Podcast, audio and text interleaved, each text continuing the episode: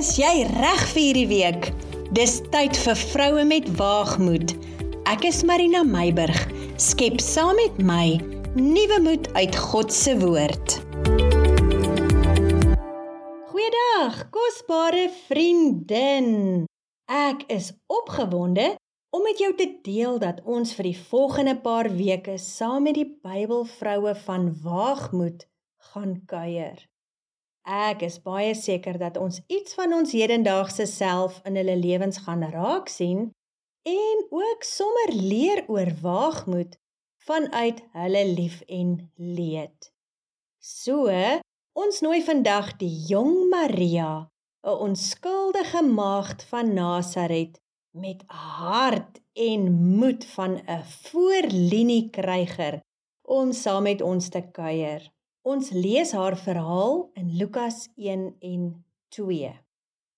Eendag, terwyl sy besig is minding her own business, soos wat ons in Engels sê, verskyn daar skielik aan haar 'n engel. Natuurlik het sy groot geskrik, maar ten spyte van haar skok, staan sy haar staan en luister na wat die engel vir haar sê in 'n oogwink. Wel, in twee sinne verander haar jong, onskuldige lewe totaal. Van jong verloofde, opgewonde huwelik afwagtende onskuldige meisie verander sy in Maria, geseënde onder die vroue, geroepe moeder van die verlosser van die wêreld. Staan in jou gedagtes in haar skoene. Onmiddellik is sy in 'n baie groot dilemma want soos wat sy vir die engel sê is sy nie getroud nie en kan sy nie swanger wees nie. Volgens wet mag sy nie swanger raak voor die huwelik nie Buiteegtelike swangerskap beteken vir haar die doodstraf. Sy weet nie of Josef steeds met haar gaan trou as hy uitvind sy is swanger nie. Eintlik het sy geen versekering dat hy enigsins die storie gaan glo as sy dit vir hom vertel nie. Tog ten spyte van alles staan hier die jong meisie met 'n hart propvol van waagmoed en weeg nie haar lewe op teenoor die opdrag nie, maar plaas die opdrag in God se skaal. Toe die engel vir haar sê: "Die Heilige Gees sal oor jou kom en die krag van die Allerhoogste sal jou oorskadu. Daarom ook sal die heilige wat gebore word, seun van God genoem word. Sonder om te vra vir tyd om hieroor na te dink, antwoord Maria in Lukas 1 vers 38. Hier is die diensmaagd van die Here. Laat dit met my gaan volgens u woord. Vriendin, Maria het nie die woord van die engel bevraagteken nie. Sy het nie vir 'n teken of 'n bevestiging gevra nie. Sy het nie 'n fisiese bewysstuk gevra wat sy tot haar verdediging kon lewer dat God haar bonatuurlik laat swanger raak het nie. Sy het nie gevra om in veilige bewaring te bly tot die baba gebore is nie. Sy het nie gevra dat haar lewe gespaar bly omdat dit teen die wet is om swanger te wees voor die huwelik nie. Sy het nie gevra dat die engel vir Josef moet oortuig om steeds met haar te trou nie. Hierdie jong meisie wat nog nie eens op daardie stadium die werking van Heilige Gees geken het nie, het onvoorwaardelik onverskrokke aangetree vir God se werk. Sy het nie gedink oor haar ouers, haar familie haar skoonfamilie, vriende, kennisse of die skindertonge van 'n klein dorpie nie. Sy het nie vir 'n oomblik haarself eerste gestel nie. Sy het God se woord geneem, dit in haar hart geberre en God se pad onvoorwaardelik begin stap. Maria was nie vir een oomblik bekommerd dat God nie haar pad vir haar gaan uitwerk nie.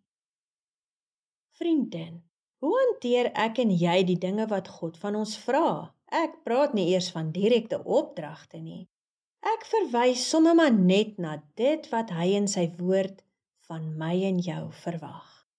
Neem ons sy woord so sonder enige vrae en gekibbel aan en stap onvoorwaardelik sy pad sonder om iets terug te verwag.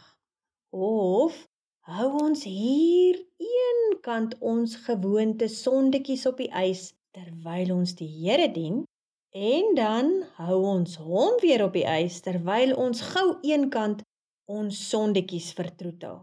Of Bagen ons met die Here in selfregverdiging hoekom ons die of daardie opdragte in sy woord nie kan uitvoer nie. Wat van die opdragte wat hy self aan jou gegee het?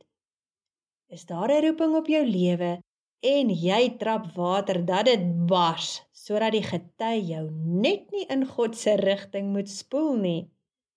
Het God aan jou iets openbaar en in jou hart weet jy dat jy weet jy weet dis tyd om oor te gaan in aksie maar jy hardloop doelbewus soos Jona weg of stel uit omdat jy nie tyd het nie of omdat jy nou te besig is met jou kinders of dalk jou werk.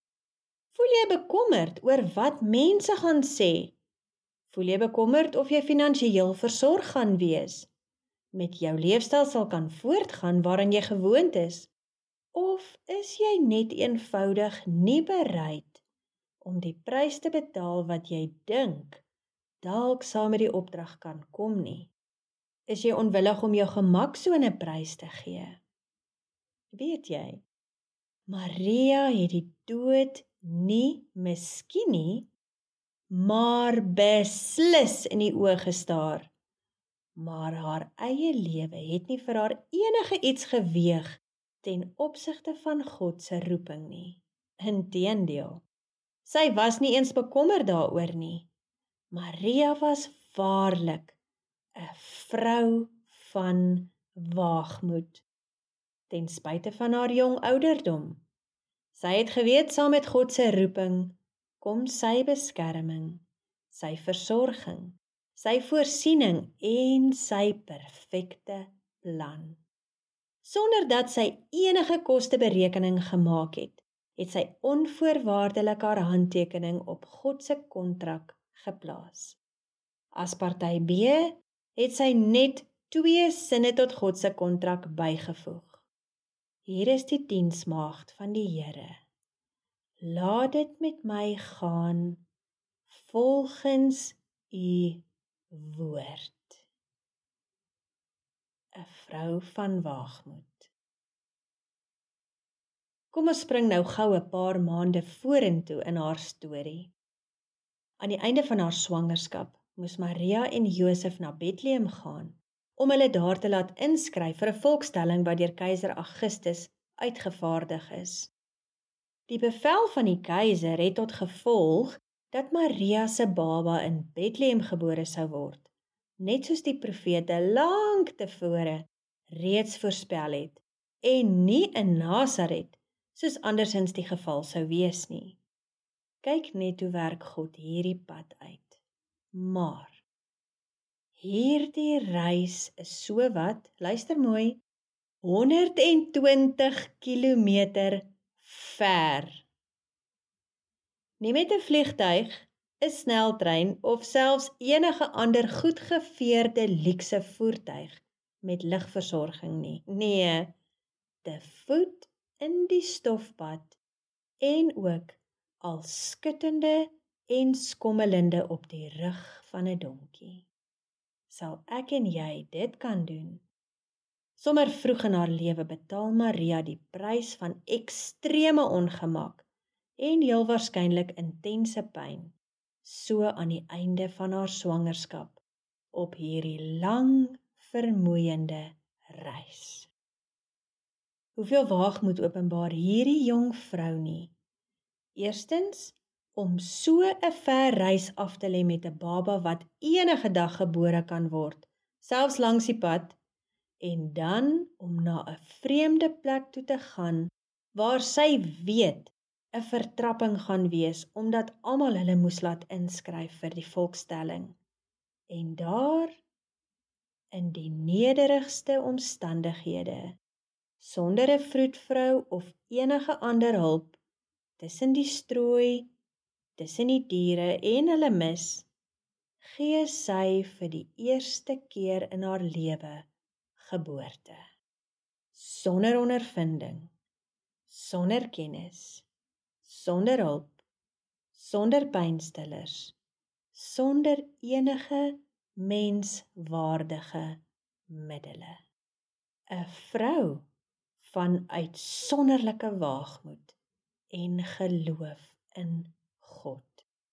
As ek en jy onsself teen Maria sou meet, sou ons die maklike uitweg gekies het. Dalk eerder tuis wou bly as om die lang reis aan te pak. Hoeveel ander vroue het dalk in daardie tyd tuis gebly omdat hulle swanger was? Ons sal nie weet nie. Wel, sou jy die reis aanpak?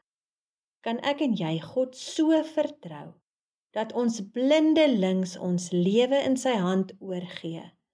Ongeag wat mense sal sê daarvan. Ongeag die prys wat ons moet betaal. Ongeag die ongerief wat ons moet verduur. Ongeag. Ongeag. Ongeag. Kom ons dink hierdie week daaroor. Volgende week kuier ons verder saam met Maria die moeder. Seën vir hierdie week.